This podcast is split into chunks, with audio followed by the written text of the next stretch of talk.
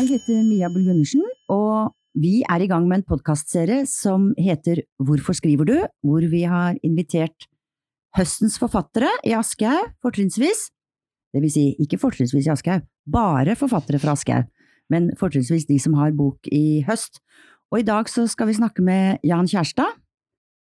Eh, Jan er aktuell med en roman som kom for noen uker siden, som heter Mr. Wolf.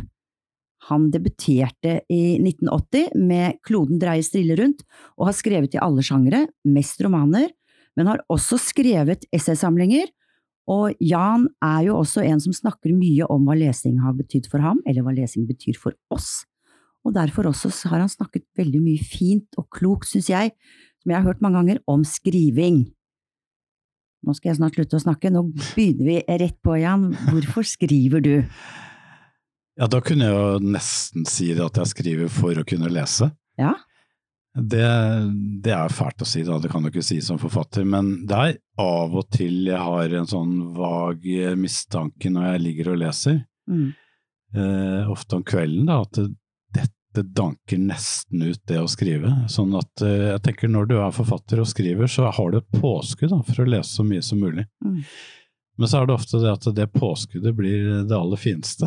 så det er et sånt frynsegode ved å være forfatter, at du har så At du kan ha så god samvittighet da, for, for å lese alt lese. mulig.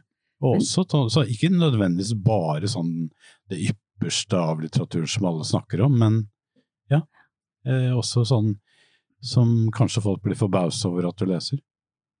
Mener du da at du, når du leser, plutselig Kanskje er du midt inni du er, jeg, Så vidt jeg vet, så er du veldig ofte inne i et skriveprosess, inne i en skriveprosess. Alltid en skriveprosess. inne i en skriveprosess, ja. alltid, Du er alltid inne i en Ja, skriveprosess. Det er ikke alle forfattere som er det, men du er det. alltid. Men det å lese da, og du sier det at det, du får, at det av og til kan ta litt konsentrasjonen din bort fra skrivingen, var det det du mente? Nei, aldri. Eller For lysten er til å skrive? Jeg, jeg har aldri skjønt de forfatterne som koketterer med at når jeg da skriver mitt mesterverk, Ja, så kan jeg dessverre ikke bli avsporet, så da må jeg bare konsentrere meg om mesterverket mitt. det er mange som sier. Ja, det, er, det mener jeg er en myte, for det er tullball. Alle forfattere må lese hele tiden Ja. hvis de skriver, fordi at det, det helt opplagte er at det er det du lærer av. Mm. Altså, du lærer absolutt mest eh, av å lese eh, når du skal skrive selv. Ja. Og da leser du det beste. Ofte forfattere som er bedre enn deg. Og Ja. det er jo de aller fleste av verdenslitteraturen. Uh, Både de historiske, men også da samtids, de store kanonene. Ja. Eh, der, der, altså, der ligger lista så høyt, men det er det du skal sikte etter. Mm. Så det er de du må bryne deg mot og kveste deg mot. Leser du alltid nye romaner da? Romaner du ikke har lest før, eller kan du lese Melvilles Moby Dick for femte gang, for eksempel? Ikke for femte gang, men du, jeg leser både da klassiske skjønnlitteratur, Mm. men uh, først og fremst samtidslitteraturen. For det, Ja. jeg tenker at det er det som er mest utfordrende, da, for da kommer det ofte noe eh, så helt sånn fornyende aspekter inn, Mm. som du da kan forsøke å absorbere, eller i, i verste fall stjele, da, uten at noen merker det. Implementere, Ja. kanskje til og med? Men, men eh, jeg tenker at det fineste med å lese for meg, er at det er der jeg får mine assosiasjoner ofte. Ja. I det at jeg har skrevet ting, og så er du litt sliten, og så setter du deg ned med en eh, fin eh, samtidsroman. Eh, og Mm. så, når du da leser, så leser jeg alltid med blyant. Ja, det gjør du. Ja, alltid. Og noterer. da merker jeg med en gang at jeg begynner å notere. Ja. Så snart det er bra, så, så begynner jeg å notere. Men det er ikke sånn derre sånn oi, flott metafor, Nei? eh, utropstegn. Det er noe at jeg får en eller annen idé til noe i min egen, En mitt eget prosjekt, i min egen, eh, i min egen bok. da. Og jeg aner ikke hva det var i det avsnittet Nei. som ga meg den, i den ideen, men det er et eller annet Ja. som trigget den ideen i det avsnittet jeg akkurat da eh, har lest. Så derfor er- så er jeg en hund etter å lese, og jeg vet at det, Mm. det gir meg hele tida nye, mer eller mindre bra ideer. Mm. I tillegg til selvfølgelig andre steder. Men ideer. Ikke nødvendig at du blir påvirket Det er jo ikke sånn at når jeg jobber med et manuskript med deg, for jeg er jo så heldig å være redaktøren din nå, så er det jo ikke sånn at jeg plutselig ser oi, dette avsnittet her kan jeg se at han har lest Madame Bovary, liksom. Det er ikke sånn. Eller Nei. Thomas Espedal, eller hvem det måtte ja, være. Ja. Det er jo ikke sånn. Nei, det er, men det kan være også fordi det er så ymse. Da. Det kan bare være et ord Ja. som du vet at oi, og du kan etter hvert ditt eh, manus så godt at du vet at eh, liksom i fjerde kapittel, eh, i åpningen der, i andre avsnitt, der trenger jeg det ordet istedenfor det jeg har. Ah, ja. Med en gang. Så da skriver du i margen, du streker under ordet, og så hører du inn eh, kapittel eh, fire. Et synonym for et som du kanskje allerede har brukt, som du ja, ikke så ikke bare synonym, men det kan være liksom et ord som er ladet på en sånn helt annen måte at du Mm. til og med skriver om da, det avsnittet. Ja. Eh, Eller det kan være en metafor sant, som gir deg helt bakoversveis, som du kan skrive helt om. Du ser at at du kanskje har brukt eh, en flik av den, men du kan gjøre den mye bedre da, ved at du så noe helt annet her. Eller det kan være det at du får rett og slett idé til en ny person. Rett og slett. En så svær idé, altså. Og det er ikke noe ved, ved at det er Og det er ikke sikkert at det er engang en person i den romanen du Nei. leser som gir deg ideen til en person i ditt. Det kan være en stedsbeskrivelse som plutselig gir deg ideen til en person. Så så rart er det, og det er det som er så flott med å lese for oss forfattere. Mm. For at det er et sånt springbrett hele tida som Mm. gjør at du får eh, eh, Ja, du, du kommer videre da, med ditt eget manus. Men det er som du sier, det er ikke alle forfattere som sier det. Noen sier at det er forstyrrende, og at man blir så påvirket av det språket i den boken man leser, og at det er forstyrrende. Jeg har jo hørt forfattere som sier det. Ja, jeg tror ikke noe på det. Jeg tror, jeg tror, jeg tror de tar feil. Nei, de tar ikke feil, det, det, det gjør man aldri. Men, men jeg tror det er mer det at man uh, gjør seg litt mer interessant. Da. For at da sier du jo samtidig sånn der at jeg skriver noe som er så interessant eller bra nå, at jeg kan ikke risikere da, å la dette bli rokket ved å, å lese da en annen stemme, for du er så sterk Ja. i din egen prosess, at alt du da ramler over, styrker det. Ja. Eh, også de, eh, altså de gode, virkelig fremragende bøkene du leser. Mm. For at du, du kan jo ikke begynne da plutselig midtveis og tenke sånn, nå skal jeg skrive om hele greia, Nei. i den formen denne boken jeg leser er skrevet på. Det er ikke sånn det fungerer. Det er mye mer der at du, du klarer å dra til noen mutter og skruer, altså nettopp fordi at du leser noe som er, eh, er bra. Da. Men dette er jo da ved siden av det at du lever hele tiden, er ute og møter Mm. mennesker, og du er ute på reiser, og du, Mm. du leser jo også noen fagbøker av og til, da, du, hvis du skriver om noe stoff som du ikke er sikker på. Så, så dette er bare ett ledd Ja. i en veldig komplisert prosess. Men jeg vil jo si det at eh, du kan ikke skrive uten å lese. Nei. Så jeg har jo skrivekurs av og til, og da, da sier jeg alltid at uh, les så mye dere kan. Mm. Det kan aldri bli galt. Nei. Men eh, når du da setter deg ned og skriver, eh, er du en sånn som må sitte hjemme på ditt eget kontor med den faste stolen og den faste koppen og skrive?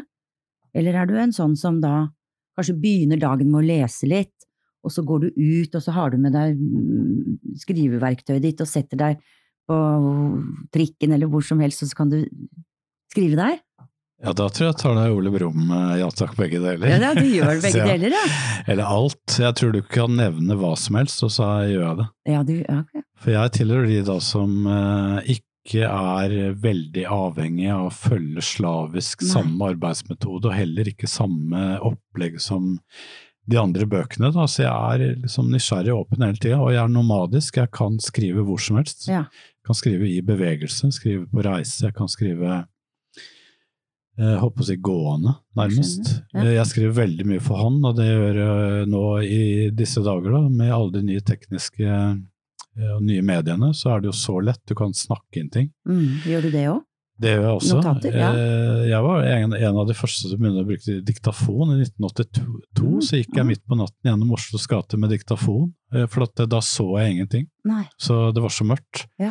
Så jeg var da liksom avhengig av å kunne Og det var iskaldt, så jeg gikk da med vanter med en diktafon og snakket inn da hva jeg så i Oslos gater.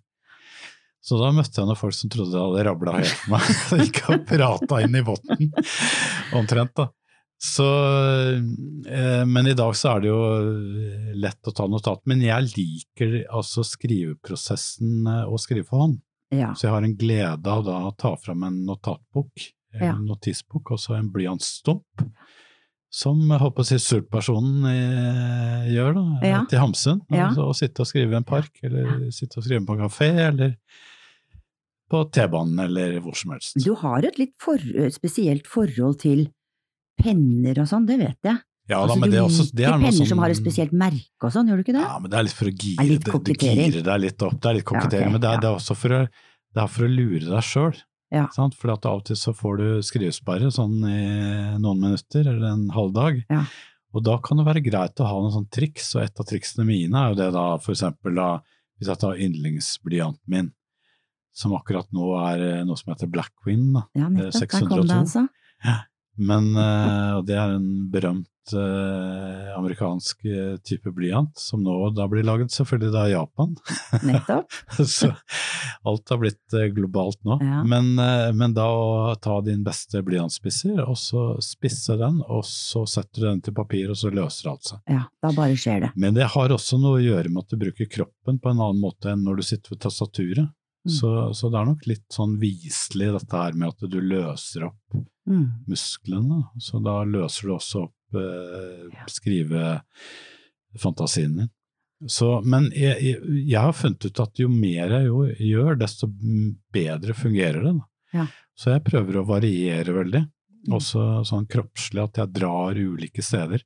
Men jeg har jo noen sånne små ritualer at hvis jeg står dønn fast, og jeg er i et veldig vanskelig fase i manuset, så kan jeg dra en uke på hytta på fjellet, eksempel. Mm. Da vet jeg at det, da, da er det statistisk større sjanse Ja. for at jeg skal få til et lite sveip på Ja. 50 sider, enn om jeg sitter hjemme og dunker eh, hodet i tapeten der, da. Mm. Eh, sånn. Og så vet jeg også av og til at det kan være bra å ta ut på en liten reise. Mm. Som kan løse opp i ting. Og det er ikke sikkert at jeg bruker akkurat det. Jeg drar til en location, da. La oss si at jeg drar til eh, Stockholm for at jeg skal skrive om noe der. Eh, Men i dag så trenger du ikke å dra noe sted. Du kan godt sitte hjemme med disse Google Maps, og du får det tredimensjonalt. Du kan gå i gaten, og sant? du ser det jo nesten like bra som i virkeligheten. Og du kan intervjue noen som har vært der, du kan ta telefoner, du kan, ja, du kan gjøre alt mulig. Men det er noe med å være med din egen kropp på stedet, Mm. som også da gjør at det raser på med ideer, men da Mm. til andre steder i manus. Ja, Så det er ikke det Stockholm-partiet du løser da. Nei, er kanskje noe annet. Du, du løser opp uten at du vet noe helt annet, så du får masse ideer da, til Ja. andre kapitler i boka ved å da reise til Stockholm. Men du Jan, du er jo en, en sånn, du er et ganske rolig menneske, i hvert fall sånn jeg kjenner deg, Ja. og sånn som du sitter og snakker nå, og du snakker så fint om det. Så jeg, eh, men, det men det der å hele tiden ha behov for å notere ting, enten du gjør det med, på en notatblokk, eller om du gjør det med en diktafon, det vil jo si at oppi hodet ditt så er det sånne små, lange setninger hele tiden som du føler at du Mm. må få ned. Hvis ikke du får det ned, så skjer det sikkert et eller annet. Jeg vet ikke hva. Ja, det er bare at du glemmer det det. jo Det, er ikke, noe- det er ikke noe verre enn det, at du glemmer det. det Jo, men er, er ikke det litt, det er, det er, jo- det er vel det du liksom absolutt ikke vil, da? ja, men det, jeg har ikke noe så det er gode romantisk forhold til det, for det, du tenker jo ikke at du er geni, sånn at da, da vil det være tragisk. Sant? Altså, mine genialer folk, folk er jo så hyggelige når de ringer. Ja. Og i hvert fall sånn på slutten av dagen så har jeg på eh, mobilen, da, på, ikke på lille, og så sier de sånn Å, jeg håper jeg ikke forstyrrer. ja. Og da sier jeg alltid sånn der Nå var jeg midt i en genial Ja. setning, og nå glapp den. Nå, nå kommer jeg til å være sinna på deg resten av livet. Ja. Sant? Og da ler de, da. De tror meg, ikke sant. Ja. Og det er helt latterlig, for det er jo aldri sånn. Så, så jeg tenker sånn, for meg så er det å skrive en roman en akkumulasjon. Altså det Mm. hoper seg opp av de mer eller mindre halvbra, litt bra setningene, partiene, avsnittene Mm. Fragmentene, da, de på en måte altså, samler seg sammen og nærmest sånn koagulerer. Da. De stivner og blir til noe sånn litt fint, som får en form. Ja. Eh, og så må man ikke glemme det at det er ikke bare det å sitte og finne på ideer og få setninger og fine ord og få flyt og sånne ting. Det er også form. Det skal Mm. være en komposisjon Mm. en struktur i dette her Mm. kaoset. Og dette er jo noe som kommer da i ofte i en andre halvpart da, av skriveprosessen. Ja, det, det er At du må få en fasong, du må finne Ja. sin riktige form. Da, og det kan være en ganske desperat fase, for du, du, du ser at du har stoffet, men du har rett og slett ikke fått fasong på det. Nei.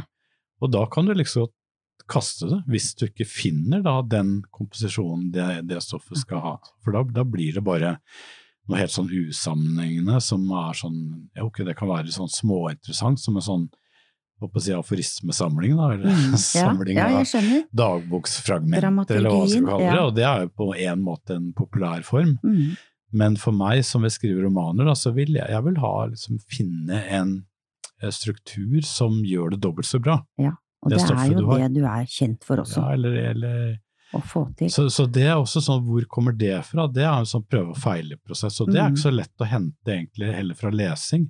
Det er mer alt du, du, du går til det arsenalet du har da, av eh, impulser, og Mm. alle bøker du har lest, og bygninger du har sett, steder du har sett, eh, ulike vitenskaper, musikk du har hørt, alt mulig, ikke sant? Og så blandes alt dette her i en kjempedigger gryte, og du vet ikke hvorfor du henter opp akkurat den formen du gjør. Mm.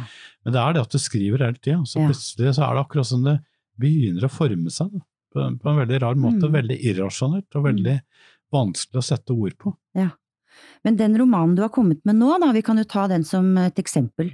Mm. Fordi at uh, der har du jo en ganske klar form, det som jeg kaller en rammefortelling. Mm, ja. Og den foregår litt inn i fremtiden, det er ikke noen, også noen år inn i fremtiden. Mm. Det sitter en mann i Sveits, hovedpersonen, han heter William Abelson, og han har da på besøk en, en, eh, som en biograf som har skrevet hans biografi. Skal ikke røpe så veldig mye av handlingen, men der fant du den formen, nemlig hovedpersonen sitter sammen med biografen sin Mm. og forteller henne Mm. Hun kommer nemlig aldri til orde, vi Mm. bare aner hennes spørsmål gjennom hvordan han svarer. Det syns Mm. jeg er veldig elegant gjort, Mm. liker jeg så godt. Hører liksom stemmen hennes uten å høre stemmen hennes, det er så fikst. Men da sitter han og forklarer henne, du kan selvfølgelig kalle det en slags kritikk av biografien, det hørte jeg noen Mm. eh, si i en anmeldelse av boken din, Eh, og det er det kanskje også, for den rommer så mye. Men han sier i alle fall til henne at ja, hør her, eh, det er ett punkt i denne fortellingen, en reise jeg hadde til Hongkong, som du riktignok beskriver, men som du ikke aner rekkevidden av. Altså fikk for mitt liv. Mm. Og så er det romanen. Slik at inngangen her er den samtalen mellom de to. Ja. Det vil si egentlig er det en monolog, fordi hun er stum, Mm. men allikevel, han snakker til henne. Mm. Og det er rammen, og så forteller han om Mm. det man kan kalle for hovedfortellingen, da romanhandlingen Ja. i boken. Og jeg vil bare si ganske kort litt grann hva det er. Eh, Den heter Mr. Wolf, og den er eh, dedisert til faren din, som heter Leif Kjærstad, eller het Leif Kjærstad, han døde i fjor. Og jeg så den eh, da det sto det Leif Kjærstad, parentes 19 19. 1919 til 2018 så fikk jeg litt tårer i øynene, for jeg syns det, er- det var veldig rørende. Eh, Det er et farsportrett. Kanskje ikke bare dypest sett, men det er et farsportrett, for det handler altså om William Abelson, og det handler om leketøysfabrikanten, faren hans. Og det handler om å spise patentsmørbrød på Dovrehallen i Oslo. Og det handler ikke minst, og da kan vi komme litt inn på det du sa i sted, det handler om hans reise til Hongkong. Og som du sier, du kan bruke Google Maps og se alle gater i Hongkong og alt mulig, men for meg så er jeg jo virkelig i Hongkong her, så jeg vet jo at du har vært der òg, men kanskje ikke akkurat da du skrev? I Hongkong, mener jeg. Eh, Jo da, ja, det, det var jo sånn også at eh, frynsegode å Ja. forfatter da, og skrive, at du virkelig da har sjansen til å ta sånne reiser eh, når det passer seg, og det passet veldig bra nå. Så for en gangs skyld så gjorde jeg det midt i skriveprosessen. Ja. Eh, og det, når, vi, når du forteller litt nå, så, så hører jeg det at det høres veldig ryddig ut, men det begynte veldig kaotisk Ja, med bare noen sånne barndomshistorier med William og faren hans i, på Fredensborg i Oslo, og med Ja. lekebutikken i Storegata, Ja. og dette her med at de, han var alenefar med søsteren til William, eh, Mm. som heter Elisabeth, da, og ja. han. Eh, og der Du begynner et sted, og så begynner du å nøste opp, og så blir, for, baller det på seg, og så begynner du å tenke sånn eh, at du må jo sette dette her inn i en litt større kontekst. Mm. Og så kommer dette her med hvem var egentlig denne faren, da? og Mm. så samtidig så dør min egen far, og så sitter Ja. jeg da ved dødssengen og tenker på hvem var egentlig han, som jeg tror jeg kjenner ut og inn. da. Så du var i gang med dette farsportrettet før faren din døde, hvis jeg skal spørre litt? Så, så vidt, Ja. men det gikk i den størrelsesorden. Så da var det mye mer hva skal jeg si, tradisjonelt. Så det var jo det at min far døde som gjorde at jeg da tenkte at eh, da vred det seg over til å bli først og fremst da en roman om hvem er denne faren som tilsynelatende er en helt alminnelig far, da. Ja. Og så tenker jeg det der at ja, men alle alminnelige fedre de har antagelig hatt en hemmelig fabrikk i Hongkong, ja. uten at de har fortalt det til barna, da. Røpet du litt. Ja, Ja. Sånne, sånne ting, ikke sant. Ja. Og så, så blir det dette her med Hongkong, fordi at leker og Hongkong, det hører sammen. Mm. Før det så hadde jeg nemlig Singapore, Ah, ja. som en eh, by jeg hadde lyst til å skrive Ah, om. Da, som, så det het, eh, arbeidstittelen på romanen var Singapore-romanen. Så det var der det begynte, egentlig. ja. Ah, Så, så alt forandrer seg underveis. Da. Og så, så, for å gjøre det helt kort, så når du har alt dette stoffet, så var det det å finne en stemme, og da tenkte jeg prøvde jeg helt ulike ting, og plutselig så finner jeg den der at ok, dette må ses litt på avstand, fortelles litt i ettertid. Og så vil jeg også ha en litt muntlig form, for det løser opp en litt sånn når du skal fortelle om et liv, da, så blir det ofte veldig skriftlig. Eh, og da, da kom denne rammefortellingen, at han Ja. kunne da sitte og fortelle da, til en som ikke har fått med seg det aller, aller viktigste i livet hans. Nei. Så du får også en litt sånn insisterende stemme, sånn hør nå her. ja, ja. Altså det er vel og bra det du har skrevet, men nå skal du høre hva som er det Mm. absolutt viktigste som skjedde meg i livet. ja, for han har jo ikke noe irettesettende tone overfor henne, syns jeg egentlig. nei. Han, bare, Han han vet jo bare at det er sånn det er. Ja. Kjempeivrig etter å fortelle Ja. da det som hun eh, Ja. ikke vet noe om. Ja, hun nevner det, men hun utdyper det jo overhodet ikke. Ja. Så, det, så da får du en, en stemme som jeg likte. Og så kunne jeg da også legge det, den fortellingen til en annen by som har noe å gjøre med hans yrke, nemlig Genéve. Ja, Så da fikk jeg dratt dit også. ja, også ja. Så det jeg fikk full eh, liksom, eh, uttelling da, på denne boka til å reise. Og så er det Oslo, da, men da trenger du ikke reise så langt. Men det, Det er er, veldig, veldig hyggelig å gå rundt i gatene her også. Jeg gikk Mm. mye rundt på Fredensborg og hadde det veldig fint. Traff mennesker og snakket med de som jeg ikke brukte, da, men hadde veldig fine arbeidsdager. Ja. Det heter jo, ja, jeg syns den er helt nydelig, denne romanen, altså, det må jeg virkelig si. Og, og ikke minst det farsportrettet, det er jo blitt trukket fram i mange anmeldelser også, det er, eh, det er virkelig vakkert. Og også den tanken om at vi alle mennesker, ikke bare fedre naturligvis, men at vi alle mennesker har et eh, liv inni oss, kanskje, men og kanskje til og med ved siden av, som er hemmelig. Vi har, vi er alle, man vet ikke alt om moren sin og faren sin. Mm. Jeg har tenkt mye på både moren min og faren min. Eh, Jeg har lest Mr. Wolf, og det tror jeg mange gjør. Um, Vi snakker om det å skrive og hvorfor du skriver. Jeg tror vel for så vidt uh, at du har svart på hvorfor du skriver, og det henger sammen med det og hvorfor å lese. Og da har jeg nemlig, det var nemlig en forsker i radioen nå som jeg hørte, som sa at det å se TV-serier gjør samme nytten for utviklingsevnen jeg husker ikke akkurat hvordan han uttrykte seg, da, men gjør samme nytten som å lese bøker, sa forskeren. Han sier at boken har fått for stor status med tanke på hva som utvikler oss. Hva, hva, hvorfor si Ja, nå vil du at jeg skal slå Ja, jeg hardt ned på det, det, men må, det, kanskje ikke du jeg har gjør jo det? alltid vært åpen her, for jeg, jeg bruker jo alt, eh, masse lærdom fra TV-seriene også i måten jeg skriver på. Det tror jeg er helt naturlig. at det, Når du lever og puster i dette samfunnet, så bruker du, altså mer eller mindre bevisst, da, Mm. eh, disse tingene i de bøkene. Og det fantastiske med en roman er at det er det mediet i dag som kan ta opp i seg alt. Ja. Og det kan nemlig ikke en TV-serie.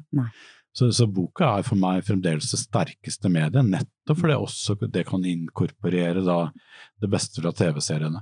Så jeg tror at vi trenger begge deler, eller alt av Ja. kunstformer, da, inkludert uh, TV-seriene. Og de flotteste TV-seriene, det er jo alltid The Wire da, som blir trukket fram. Ja, det er et mesterverk, rett og slett, og det er så komplisert. Det er på en måte Dickens eh, i dag, med 100 personer sant, som går på kryss og tvers. Eh, helt fantastisk, og da må du jo virkelig sitte på Det nytter ikke å lene seg helt tilbake i sofaen her, du må følge med og så holde Mm. tunga rett i munnen for Mm. å få full valuta for penga eller investert tid. Ja. Men, men eh, det jeg tenker som er så fint med boka, det er det, og det er også grunnen til at jeg skriver og leser, det er det at det er så fint å tenke med det. Ja. Det er for meg altså et eh, redskap som gjør at jeg tenker bedre. Ja. Det er det korteste jeg kan si med hvorfor jeg skriver og leser. Ja. Så, så det er aldri noen eh, tider jeg tenker bedre enn når jeg skriver og leser. Da føler jeg at jeg er Så jeg rett og slett danner meg selv. Jeg, jeg, jeg får innsikter og erkjennelser som jeg ikke da får Mm. i, ved å baske med andre medier. Mm. Så, så hvis jeg hadde funnet et annet sted, så tror jeg kanskje jeg hadde desertert Ja. fra boka. Eller i hvert fall brukt mindre tid på det. Ja. Men fremdeles så er altså boka det stedet som eh, gjør meg til den beste tenkeren jeg kan bli. Altså det å erverve meg innsikt om hva det er å være menneske. Ja. Hvordan jeg skal eh, være sammen med andre mennesker. Ja. Det å bli nysgjerrig på mine medmennesker. Mm. Jeg husker Sånne at du, det er- var vel, jeg husker ikke om det var i fjor eller forfjor, at du var med på et sånt arrangement, det var en sånn serie arrangementer som gikk her i Oslo, som het Det vi skrev som barn. Mm. Og da var det en gruppe studenter som hadde invitert en forfattere for å ta frem tekster som de hadde skrevet som barn. Og det skulle ikke være juksetekster, det skulle være ordentlige tekster. Og jeg var på det flere ganger, og det var ganske artig, faktisk. Og jeg husker at du var der, Jan, og du var jo selvfølgelig helt suveren, fordi at eh, du gikk opp på den scenen der nede på Kulturhuset, og så tok du frem en kladdebok fra første klasse, og så skulle du lese det du, første, det du skrev som barn, og det var A, A, A, A, A. Det var det første Jan skrev, og det var det han skrev som barn, og jeg synes det var så elegant gjort. Men det var eh, Men når begynte du å skrive, da? Ja, nå var jo det, nå var dette her noe eh, Jeg skjønte jo fort det at de aller fleste hadde veldig gode tekster. Ja, som det de var skrev litt. som barn. Ja, men, men det er Men også det, ja. sånn eh, Også forfattere kan jo ofte da vise til at de var veldig dyktige. Det var jo ikke altså jeg skrev jo ingenting som barn. Nei, det jeg skrev det ikke noe sa, som ungdom heller, men jeg fant ut etterpå at dette her var virkelig viktig. Mm. Altså det å lære å skrive. Ja. Og, og den gleden over å sitte og forme de bokstavene. Jeg kunne jo ikke da skrive. Nei. Jeg begynte i første klasse. Nei. Og i løpet av et halvt år da erverve seg dette mektigste av alle mektige redskaper. Det er jo bare et mirakel. Og det er det du har levd jeg, med tok, jeg har jo tatt meg selv i å lengte etter Mm. det første halve året og oppleve det om igjen. Altså, er det et annet, kan jeg ikke være så snill å få oppleve det en gang til? Å Og vokse så mye da, i innsikt som jeg gjorde det første halve året. Og virkelig altså, gjøre noe så revolusjonerende, Ja. men det har ikke skjedd. Kommer ikke til å skje. Altså. Nei, det er ikke sikkert Så dette det var kommer er en fantastisk, fantastisk tekst. Ja. Altså Den siden med. Altså, Ja. kommer jeg antagelig aldri til å skrive noe så bra Nei, eh, som voksen heller. du gjorde Men- veldig inntrykk men- da, og du, ja. for du sa nemlig også det da at du du skrev ikke noe som barn eller som ungdom, du begynte ikke å skrive før du var ganske voksen. Nei, og det, det, til det du spør om, da, så jeg, jeg fikk jo ikke noe eh, lyst til å skrive før jeg var 22-23 år. Nei. Og det er ganske gammelt, mm. eh, sammenlignet med andre forfattere som Mhm. vet tidlig, da. Altså jeg visste tidlig at jeg skulle bli forfatter. Det er sånn du hører om igjen og om igjen fra disse altså, drevne Ja. menn og kvinner da, som skriver. Men, men jeg var aldri der. Så jeg hadde ikke tenkt tanken, men jeg hadde derimot lest da, eh, jomfruelig, og det er jeg veldig glad for Mm. i, ti-tolv år. Så det var litt sånn tilfeldig at jeg ble en leser, og jeg tror at det var det at jeg ble en leser, og ble en så ihuga leser, da, Mm. og leste så oppslukt, uten noen sånn baktanke om at eh, oi, dette gjør jeg for å bli forfatter, Nei. som gjorde at jeg skjønte hvor bra det var å kunne bli forfatter. Ja. At det, plutselig en dag, nesten fra den ene dagen til den andre, så tenkte jeg at ja, men herregud, det er dette jeg har mest lyst til å gjøre, å skrive dette, altså noen sånne fortellinger som de har så stor glede av å lese sjøl. Er det sant? Ja, så det, det var Og så satte du eh, den ned, da. Satte meg med- med blyant, med ser jeg for meg. stor viljestyrke og, Ja. og begynte å skrive. Men, og da hadde jeg ikke tenkt å gi meg, da skulle jeg bli forfatter. ja. Så det, si, det at jeg ikke hadde tenkt på det, gjorde at jeg kanskje da kunne virkelig bestemme meg ja. veldig, veldig veldig målretta for Ja. å bli forfatter. Men da hadde du kanskje lagret såpass mye oppi hodet ditt òg, at det kanskje ikke var så veldig vanskelig for deg den første? Nei, det vet jeg ikke men jeg sånn. hadde i hvert fall veldig mange fortellinger eh, i kroppen. Eh, både selvopplevde og også ting som jeg kunne trekke veksler på. Da. Mm. Fra verdenslitteraturen og alle mulige slags sjangere. Ja. Så det kom veldig lett til meg, vil jeg si, da, selv om det var helt ubehjelpelig skrevet. Og det ble jo da nådeløst refusert, det første jeg skrev. Ja. Men det var jo også fordi at det, formen var altfor dårlig. Mm. Så det jeg fikk eh, gehør for, var jo at dette var egentlig Det er en historie her, Mm. men du kan ikke skrive den. Nei. Så det var jo bare å gå hjem og Ja, lære ja. seg altså, Ja. verktøykasse. Jeg måtte Ja. samle sammen eh, redskaper i en verktøykasse. For, og så skal jeg skrive i jeg-form, eller skal jeg velge tredjeperson? Skal jeg skrive det presens eller Mm. preteritum? Sånne helt enkle Mm. ting. Skal jeg bytte synsvinkler? For jeg gjorde jo dette helt hulter til bulter Ja, uten å tenke meg om i det hele tatt, og da blir det veldig rotete. Mm. Nei, jeg hører jo forfattere, jeg har lest det også opp gjennom om sånn å, Knut Hamsun ble refusert, å, de ble liksom refusert den ene etter den andre, men det er klart de ble jo refusert Ja, i starten, alle er jo blitt det. Helt De- det er vel helt uh, nødvendig. unntakstilfelle hvor Ja. folk eh, dundrer igjen Ja, på det er ikke mange tilfeller, faktisk. Vet jeg jo litt om som får inn Så, manus, så det er ikke mange som er nei, så det, men det går an å, noe går det an å eh, tilegne seg. Mm, Så, så det brukte jeg et par år på, mm. og så gikk det bra. Det er jeg veldig glad for. Jeg tror kanskje vi må begynne å avrunde, faktisk. Jeg kunne godt sittet uh, lenger. Men uh, jeg vil i hvert fall veldig gjerne si til slutt at uh, Jan Kjærstad har i år skrevet Mr. Wolf. Og hvis det er sånn som han sier, at han alltid er i gang med å skrive, så kommer det noe bok til om kanskje to år eller tre år. Vi får se. Tusen takk skal du ha, Jan. Takk skal du ha.